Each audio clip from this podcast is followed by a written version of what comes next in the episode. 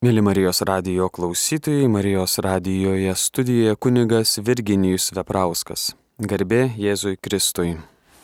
Ir panelė švenčiausiai taip pat, malonus Marijos radio klausytojai, ketvirtadieniais girdima laida aktualieji bažnytinės teisės klausimai.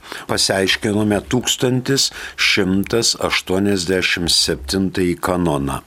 Čia tie penki kanonėliai, kurie kalba apie šventųjų, šventųjų paveikslų ir relikvijų kultą. Taigi 1187. Viešuoju kultu leidžiama gerbti tik tuos Dievo tarnus, kurie bažnyčios valdžios yra įtraukti į šventųjų ir palaimintųjų sąrašą. Tik tuos, kurie yra įtraukti, ne kur mums atrodo, ar mes manome, bet tie, kurie įtraukti. Atitikmuo yra 885 kanonas. Sekantis iš eilės 1188. Palaikytina praktika bažnyčiose laikyti šventuosius paveikslus tikinčiųjų gerbimui tačiau jie turi būti išstatomi saikingai ir pagal atitinkamą tvarką, kad nekeltų krikščionių tautos nuostabos ir neduotų neteisingo pamaldumo preteksto. Keletas minčių dėl 1188. Pirmoji mintis paveikslų išstatymas šventovėse tai ilgametė bažnyčios tradicija. Šiaip gerbti paveikslus, juos išstatyti šventovėse.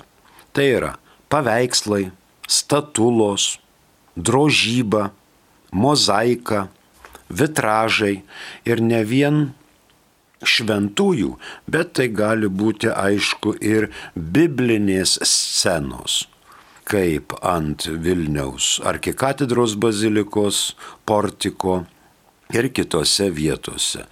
Ten perėjimas per Raudonąją jūrą ir taip toliau. Arba bėgimas į Egiptą, kaip Tytuvėnų bažnyčioje dešiniai pusėje viršui.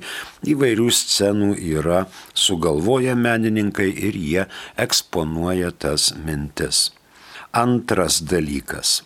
Vengtina paveikslų ir meno kūrinių įstatymuose visko, kas gali neatitikti kulto autentiškumo ir pamaldumo arba net meniškumo. Turėtų būti saikingas šventųjų eksponavimo skaičius ir derinama jų hierarchija. Negali šventoji Agota būti aukščiau už šventuosius apaštalus Petrą ir Paulių. Negali šventas Rokas būti aukščiau už Jėzų Kristų. Į pagalbą ateina mums visų šventųjų litanija. Kiekviena maldaknygė, kiekvienas mišiolas turi visų šventųjų litaniją ir ten yra įvardyjama tokia predestinacijos lentelė, kas po ko eina. Jeigu mums kyla abejonės ar pradedame painiotis. Taigi šventųjų, tų pačių šventųjų skaičius turi būti saikingas ir išlaikoma jų griežta hierarchija. Bažnyčioje negali nebūti kryžiaus ir švenčiausiosios mergelės Marijos atvaizdo. Šitų dalykų negali nebūti. Na, tabernakolio, altoriaus, klausyklos ir kitų dalykų. Sakyklos ant altoriaus, ant aukos altoriaus, ant kurio atnašaujama šventųjų mišių auka, neleidžiami šventieji atvaizdai ir statulėlės neleidžiami šventųjų atvaizdai ir statulėlės. Altorius skirtas vien tik tai Dievo garbinimui. Po Velykų iki atvelykų iki šeštinių statoma ant altoriaus Jėzaus Kristaus su pergalės vėliava statulėlė. Bet tai yra jau ne šventieji, ne Jeronimas, ne Žanna Dark, bet tai yra Jėzaus statulėlė. Kiti atvaizdai ir statulėlės yra neleidžiami. Taip pat bažnyčioje negali būti to paties šventojo atvaizdų daugiau nei vienas. Jeigu vienas šventojo atvaizdas yra, pilnai jo pakanka. Negalima dubliuoti. Su Marijos paveikslais yra tokia komplikacija. Tarkim, mes turime lauretanišką litaniją ir čia yra išvardyjami Marijos šaukiniai, Marijos simboliai. Tai tokių gali būti. Bet negali būti vienoj bažnyčioje ir aušros vartai, ir šiluva. Tai yra tie patys. Bet jeigu sandoro skrynę, pavyzdžiui, pavaizduot, jau tada gali. To paties šventojo daugiau negu vienas atvaizdas būti negali. Praktiškai senosiuose bažnyčiose yra ir niekas nesiruošia daužyti ir išiminėti tiek statulų, tiek paveikslų, kad ir dubliuojasi.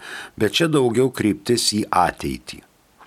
Ne visus šventuosius sugeba dailininkai taip meniškai pavaizduoti, kaip Vilniuje švento Petro ir Pauliaus, ten šventą Magdaleną, kuri labai meniška, kiti gal nelabai nusisekė, tačiau tokios mm, jau puošybos ir drožybos, stiuko lipdiniai yra visiškai priimtini. Dabar dėl paveikslų vainikavimų. Vainikuojamas paveikslas gali būti vien tik tai švenčiausiosios mergelės Marijos. Kiti paveikslai nevainikuojami. Vainikuojamas Marijos paveikslas gali būti tik tai su apaštalų sosto leidimu. Jokių būdų ne vyskupo nuožiūra o su apaštalų sosto leidimu. Jėzus Kristus būna pavaizduotas kaip visatos valdovas. Tai jisai su karūna, čia viskas tvarkoj. Bet Marijos paveikslas gyveno kartą ir sekančią dieną jau klebonas sugalvojo uždėti jam karūną. Marijos paveikslui. Tikrai tai yra nesusipratimas, tokius norus klebonas turi derinti su vyskupu, o vyskupas derina su apaštalų sostu. Kitų šventųjų atvaizdai ir paveikslai nevainikuojami, nes švenčiausioji mergelė Marija yra dangaus karalienė. Todėl jos pagerbimui ir naudojama karūna, bet gavus tik apaštalų sostų leidimą. Trečioji mintis prie 1188. 1917 m. kanonų teisės kodeksas, tai yra 1279 pirmas paragrafas, draudė neįprastai vaizduoti šventuosius. Neįprastai vaizdai jau buvo nuo tų metų aiškiai draudžiami. Pavyzdžiui, šventąją dvasę vaizduoti žmogaus pavydalu įprasta balandžio, reiškia ir vaizduojam šventą dvasę balandžio pavydalu. Bet ne žmogaus pavydalu. Tie vaizdiniai negali netitikti švento rašto arba bažnyčios tradicijos. Švenčiausiąją trybę ima vaizduoti kas nors žmogų su trim veidais. Tai irgi yra nonsensas arba švenčiausiąją mergelę Mariją, kas dailininkas apvelka kunigo rūbais. Marija niekad nebuvo kunigu. Ir nedėra išsidarkyti ir vaizduoti Mariją su kunigo rūbais, su koloratkė, su stula arba su sutana ar dar kokiais tai dalykais. Tikrai nedėra. Mums iš Kretingos rajono paskambino Ramūnė. Klausom jūsų. Garbė Jėzui Kristui. Per amžius amen. Klebunė jūs tukdu ramunė. Mhm, Norėjau girdėjau. jūsų paklausti, labai yra man rūpimas klausimas apie šventųjų paveikslų kabinimus. Pavyzdžiui, mirus žmogui ant sienos švenčiaus mergelės Marijos paveikslas, kurioj pusė turi kabėti ar dešiniai pusiai, ar kairiai. Pagal tradicinę kairiai. Pagal tradicinę Ja, kairiai. žiūrint nuo kryžiaus. Va, jeigu mes žiūrim į bažnyčią, į altorių ir gale bažnyčios atsistojame ir matom prieš save altorių, tai Marija kairiai pusiai. Kairiai. pusiai. Kairiai pusiai. Taip, kairiai. A. Todėl, kad Jėzus mirdamas ant kryžiaus, žinoma, žiūrėjo į brangiausią asmenį, į Mariją. Ai. Ir tą galvelę pasvirus visą laiką vaizduojama į dešinę pusę. Tai reiškia, kaip jisai žiūri, žvelgia į dešinę, o ten, reiškia, jam iš dešinės buvo Marija. Todėl mes ne iš Jėzaus kybojimo pozicijos, bet nuo bažnyčios žiūrime, mums išeina tai kairė pusė. Nes ir šventas raštas sako, ir giesmės, kad kraujas ir vanduo ištekėjo iš šventovės dešiniojo šono. Tai yra sakramentų versmė. Perdurtas Jėzui buvo dešinys šonas, o mums žiūrint tai yra kairys ir čia yra Marijos pusė. Taip maždaug skaitoma. Ačiū Ramūne. Mes dar turim kažką iš SMS, prašom. Gal galėtumėte paaiškinti skirtumą tėvę mūsų maldoje tarp kasdienės ir kasdieninės mūsų duonos? Komentaras, kad labai stebina, kad kitas net ir garbus kuningas per Marijos radiją meldžiasi kasdieninės duonos. Čia yra, aišku, priebalsių asimiliacija, pas mus patvirtintas dalykas kasdienės. Kasdienė duona tai nėra tas trupinys juodos duonos, kur mes kasdien valgome, bet tai kasdienė duona tai net ir geras žmogus sutiktas kelyje ir nuostabus bendradarbis ir žinoma pyragas ir pieno stiklinė ar vandens stiklinė ar koksai lobsteris su langustu, tai irgi yra kasdienė duona. Mes prašom savo maisto tiek dvasiai, tiek kūnui. Kasdienės. Trumpiau sakant, kasdienės dar yra daug tokių netitikimų ir mes laukiame, kol Lietuvos viskupų konferencija priims sprendimus ir gal kai ką atitaisys, kai ką pataisys, kai ką nurodys kitaip, nes mokslas vystosi ir mes turėsime priprasti prie naujų teiginių. Rasa klausia, kaip taisyklingai šiandien užrašyti ant durų? Ar plus K plus M plus B, ar plus C plus M plus B? Kasparas Melchioras Baltazaras KMB. Jūs galite rašyti ir CMB. Kaip jums išeina, bet mes lietuviai nesakom Casparas, mes sakom Kasparas. O Europa gali rašyti C. Tas pats Kasparas. Rita rašo, ar tinka melstį mirusiųjų artimųjų užtarimo, kiek laiko ir kaip dažnai melstis už mirusią artimą žmogų? Rita, tinka melstis už tai, kad mūsų mirusieji artimieji užtartų mus. Mes turime daug. Nu, šiandien laidojo, tarkim, žmogų, tai tokios gana linksmos laidotuvės, sako, ponė labai mėgo brandžiuką su citrina.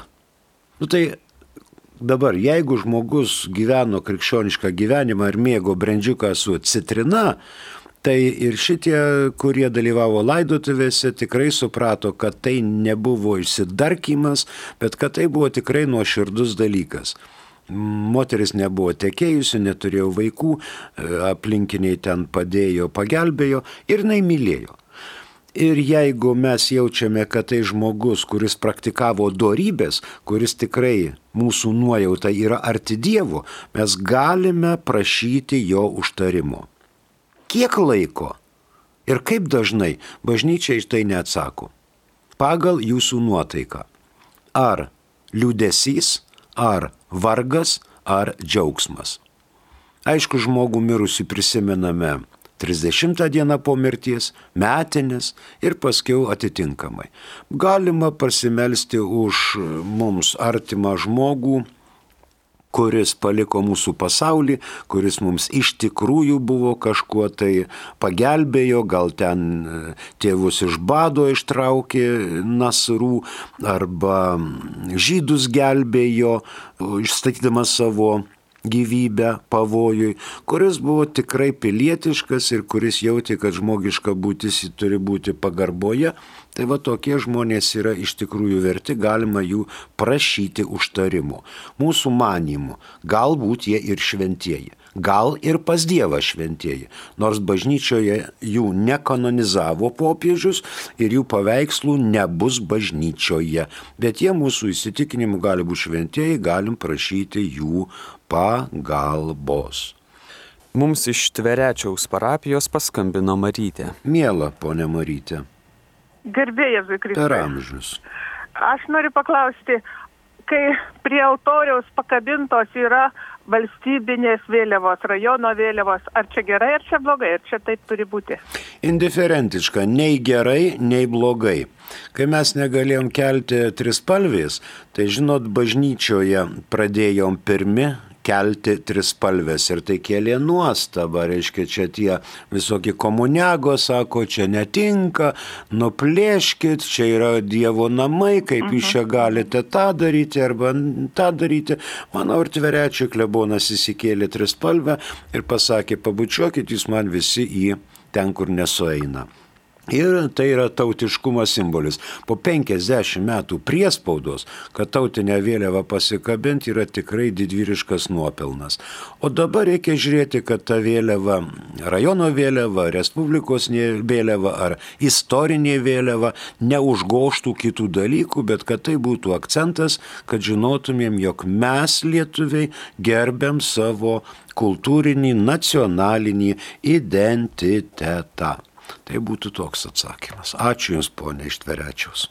Mums Regina rašo, prašau, paaiškinkite plačiau Evangelijos pagal Mata 10 skyriaus 29-31 eilutes. Oi, tai čia dabar laida aktualieji bažnytinės teisės klausimai, bet ne švento rašto diskusijos. Gal pabandykime dirbančių už pulto paprašyti, kad šitą perskaitytų. Prašom. Taip, štai kaip tas tekstas skamba. Nagi. Argi ne du žvirbliai parduodami už skatiką? Ir vis dėlto ne vienas iš jų nekrinta žemėn be jūsų tėvo valios, o jūsų net visi galvos plaukai suskaityti. Tad nebijokite, jūs vertesni už daugybę žvirblių.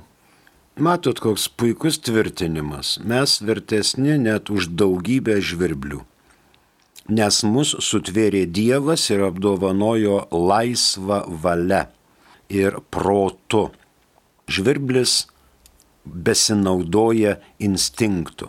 Visa gyvoji gamta valdoma yra instinktų, o žmogus yra laisvas, kad jis nebijotų priimti sprendimų gerų sprendimų, pagrįstų bažnyčios mokslų ir tradicija. Tai dabar prisiminkime, kad girdite Marijos radiją laidelę bažnytinės teisės klausimai. O mes eikime prie minties apie 1188 kanoną.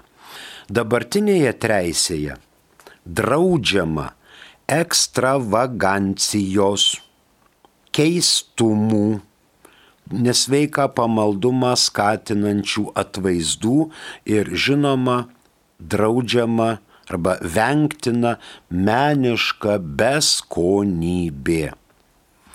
Reikia vengti visko, kas netitinka tikėjimo, kas netitinka šventos vietos akordikai ir ritmikai tikinčiųjų jausmams, tarkim, įžeidinėjimai būtų tikinčiųjų jausmai, tai tai irgi netoleruotina.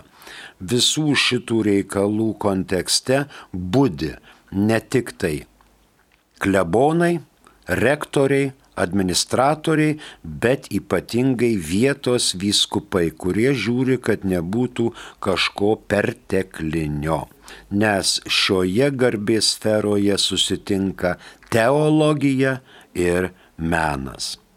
Atitikmuo 1188 yra 886. Fiksuojam. Palaikytina praktika bažnyčiose laikyti šventuosius paveikslus tikinčiųjų gerbimui.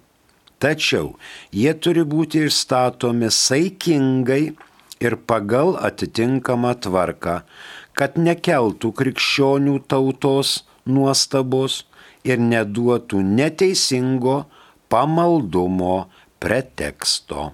Mums paskambino Julija. Klausom jūsų. Garbėzui Per Kristui. amžius, amen.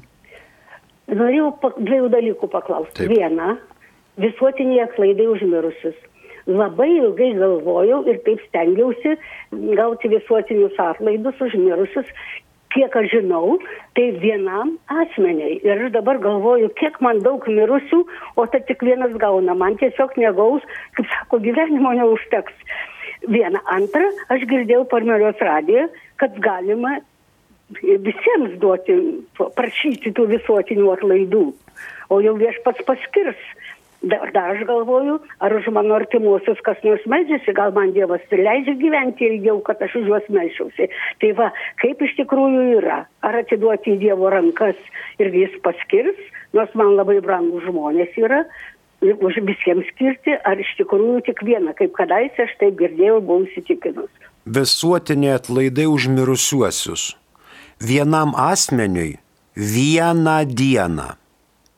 Nereikia visą gyvenimą kasdien pelnyti visuotinius atlaidus už tą vieną, bet vienam asmeniui vieną dieną. Per vėlinės, per visus šventus. Kitą dieną jau galit skirti kitam asmeniui. Trečią dieną trečiam asmeniui. Ketvirtą dieną ketvirtam asmeniui. Jeigu jau sąrašas baigėsi, galite už nežinomą asmenį. Arba už labai žinomą asmenį, kuris yra laikomas viešo nusidėjėliu, galva žudys. Matot, kas nužudo vieną žmogų, atsėdi kalėjime ir išeina. O kas nužudo milijonus, tai tas yra garbės lentuose ir garbinamas. Bet vieniem jisai yra žmogžudys, pavyzdžiui, 33 milijonus, nužudė, galadamoras. Tai vad galima ir jam paskirti kažką, gali jam koksai Abraomas suvilgęs vandeniu galą piršto atvėsins lūpas. Galima. Tai mes eikim prie sekančios temos, prie 1189 kanono. Jei kada nors vertingiems paveikslams, būtent išsiskiriantiems senumu, meniškumu ar kultu įstatytiems tikinčiųjų gerbimui bažnyčiose ar oratoriumuose būtų reikalingas atnaujinimas, jie niekada negali būti restauruojami be raštiško ordinaro leidimo. Šis prieš jį išduodamas turi atsiklausti ekspertų. 1917 m. kanonų teisės kodekse tuos dalykus normino 1280 ir 1498. Pirma mintis. Atvaizdai gali būti labai vertingi dėl senumo ir ypatingai meniški ir nepriklausomi nuo vertės rinkoje. Mums paskambino Linas iš Vilniaus. Klausom jūsų. Sakykit, turiu tokį klausimą. Aš esu ne katalikas Mm. ir dažnai tenka lankytis bažnyčioje, Mm. per krikštyną, laidotuvės, vestuvės e, ir e, patenku į mišes ir vat, koks yra pagarbus elgesys mišių atveju. Nes aš, pavyzdžiui, suprantu, kad, kad reikia atsistoti per mišes, nors ne katalikas, bet, pavyzdžiui, žegnotis, ne, man jau atrodo ir iš mano pusės būtų neteisinga ir nepagarba, nu, kažkaip ir bažnyčios atžvilgiu. Ar yra tokia taisyklės, kaip elgtis e, nekatalikui mišių metu? Taisyklių, kaip elgtis nekatalikui mišių metu nėra. Čia renkasi bendruomenė, kuri garbina Dievą. Tarkim, jūs pakviestas ten į savo draugų tėvas, ten metinės, dešimt metų po mirties ir jūs ten su kokiu gvazdikėliu arba kažkute nueinat į bažnyčią, kad po to galima būtų nueiti į kapines. Jeigu jūs nueisit su galvos apdangalu, tai žinot, iš paskutinio suolo pakils Monika su rankinuku ir jūs aiškiai pašventins sakys erodetu čia bažnyčiai su kepure. To būt negali, nes būt to negali. Ir gausit, reiškia, dėmesio dozę ne tik nuo Monikos su rankinuku, bet nu ir nuo visų kitų. Tai eidami į bažnyčią nusiplėškit galvos apdangalą nuo galvos bet jeigu yra žinoma operacija galvos, ten kokia plokštelė, kol dar nesuaugo, tai jūs visiems pasakykite aplinkiniam, aš po operacijos negaliu, man reikia galvą šiltai laikyti, aš su veilokais, su, su kepurė ausiniai, čia pačioj užrišta, aš jau būsiu taip. Dabar, kada sėdim, tai sėdim patogiai. Kada e, žmonės klūpo, tai jau mes gal nesėdėkim, bet bent atsistokim iš pagarbos, jeigu mūsų keliai nesilenkia prieš Dievą. Nes Dievą tikėti dar įmanoma, bet e, patikėti, kad tam duonos gabalėlyje yra Dievas, tai jau reikia tikrai didelio tikėjimo. Tai daugybė žmonių klaupėsi prieš tą duonos gabalėlį konsekruotą, o jeigu mūsų keliai ne, tai mes nors pastovėkim ir nesiraukim į pirmus suolus, kad ten paskui nebūtų netikėtumų visi klaupėsi, o mes turim stovėti arba pasitraukti, kad netrukdytumėm kitiem matyti. Tai va taip. Na žinoma, mobiliaką reikia išsijungti bažnyčioje, kad nečirškėtų ir žinutės neteitų kas minutę pas mums. Daugiau tai kaip ir tokio nėra nieko, ten visokių šnekų, kalbų neturi būti, kažkaip rami laikysena ir ne ekstravagantiška. Jeigu vasara, tai palangoj mėgsta žmonės tiesiai iš pležo ateiti, ten su maudomais, atikas čia tokio, tai einam pasižiūrėti, kas ten dedasi. Tai va su tokiais rūbais gal netiktų, nes ypatingai pravoslavų bažnyčia tai yra tokia kultūrinė policija prie durų ir jeigu tik tai su kelnėmis moteris, tai iškart ją apjuose kažkokiu tai tiuliu, audeklu, kad jinai atrodytų ne su kelnėmis, o su sijonu. Ir galvos apdangaralas moteriai privalomas. Čia pravoslavuose. Pabandykite įeiti į sinagogą m, vyras be galvos apdangalo. Tai nors įsitrauks nosinę ir ant galvos, tada gali užeiti. Tai jau tokios bendros taisyklės, bet taisyklių, kaip laikytis netikinčiam žmogui katalikų bančioje, nėra. Geriausia taisyklė - netrukdyti kitiems melstis. Na ir žinoma, kai kunigas arba patarnautojas daro rinkliavą, prisidėkite prie šitų linai pagarbos ženklų bažnyčios vykdomai viešai veiklai. Ačiū. Klausytojas rašo. Mhm. Kunigai sako, kad reikia vykdyti Dievo valią, bet tada nebėra mano laisvos valios. Ja viešpats mums davė, pagal sąžinę naudojamės, tai kaip kunigai žino, kur Dievo valia, o kur mano. Na tai reikia ir kelt klausimą. Ar mano valia visuomet atitinka Dievo valią? Dievas savo valią išreiškė per dekalogą, per dešimt Dievo įsakymų. Bažnyčia palaiko tokius mokslus, va.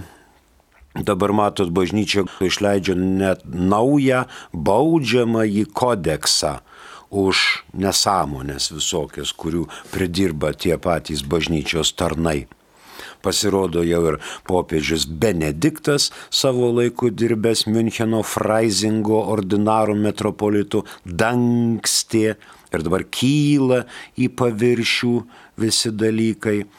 Gerbiama Opus Dei Pietų Amerikoje prisidirbo irgi virš 180 atvejų ir jau vokiečiai vėl reikia, kad tą Opus Dei reikia šalinti čia iš tų viskupijų, ką jie čia veikia.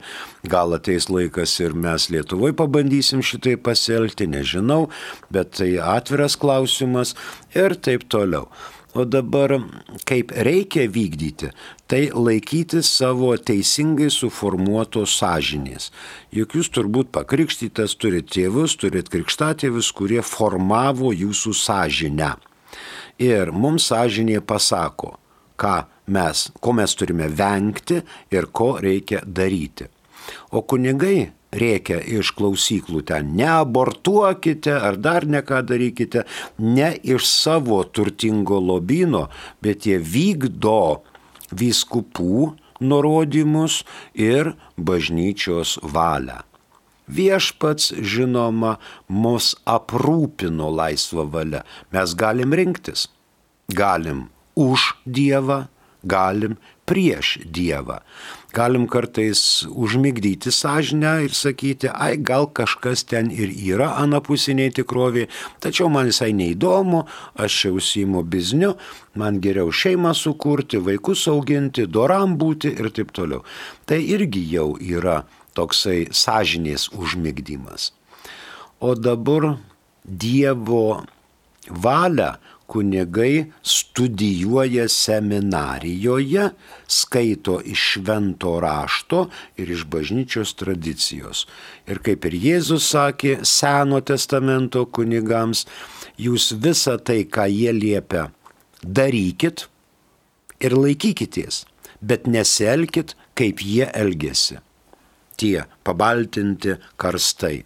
Kartais yra atveju, kad ir katalikų kunigai vieną sako, kitą, kitą daro. Tai mes nežiūrime, kaip jie daro, bet ką jie sako. Nes jie vykdo mokomąją misiją bažnyčiose. Mokomąją misiją. Va, dabar atvaizdai gali būti labai vertingi dėl senumo ir dėl meninės vertės. Tai nepriklauso nuo to paveikslo ir atvaizdo vertės rinkoje, kiek jinai yra įvertinta. Vietos vyskupas raštu privalo garantuoti specialistų pastangas ir paslaugas.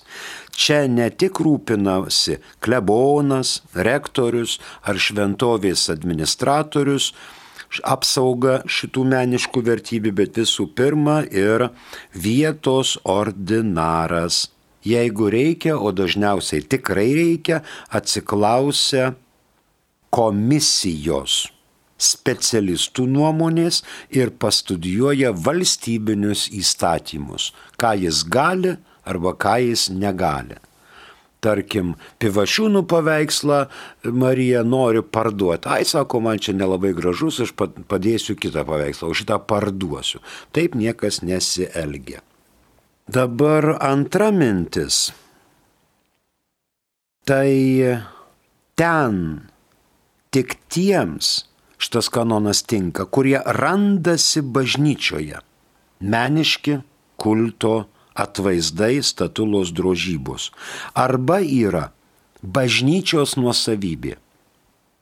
Kanonas liečia tuos, kas yra bažnyčioje arba bažnyčios nuosavybė, bet neliečia tuos, kurie yra muziejuose, kitose bažnyčiose, ten pavokti, išvežti, kaip pavyzdžiui pažaislio vienuolyno grindys išvežtos neliečia tų paveikslų, kurie yra privačiose rankose - muziejuose, valstybinėse institutuose, saugyklose, ten bažnyčios rankos neprieina.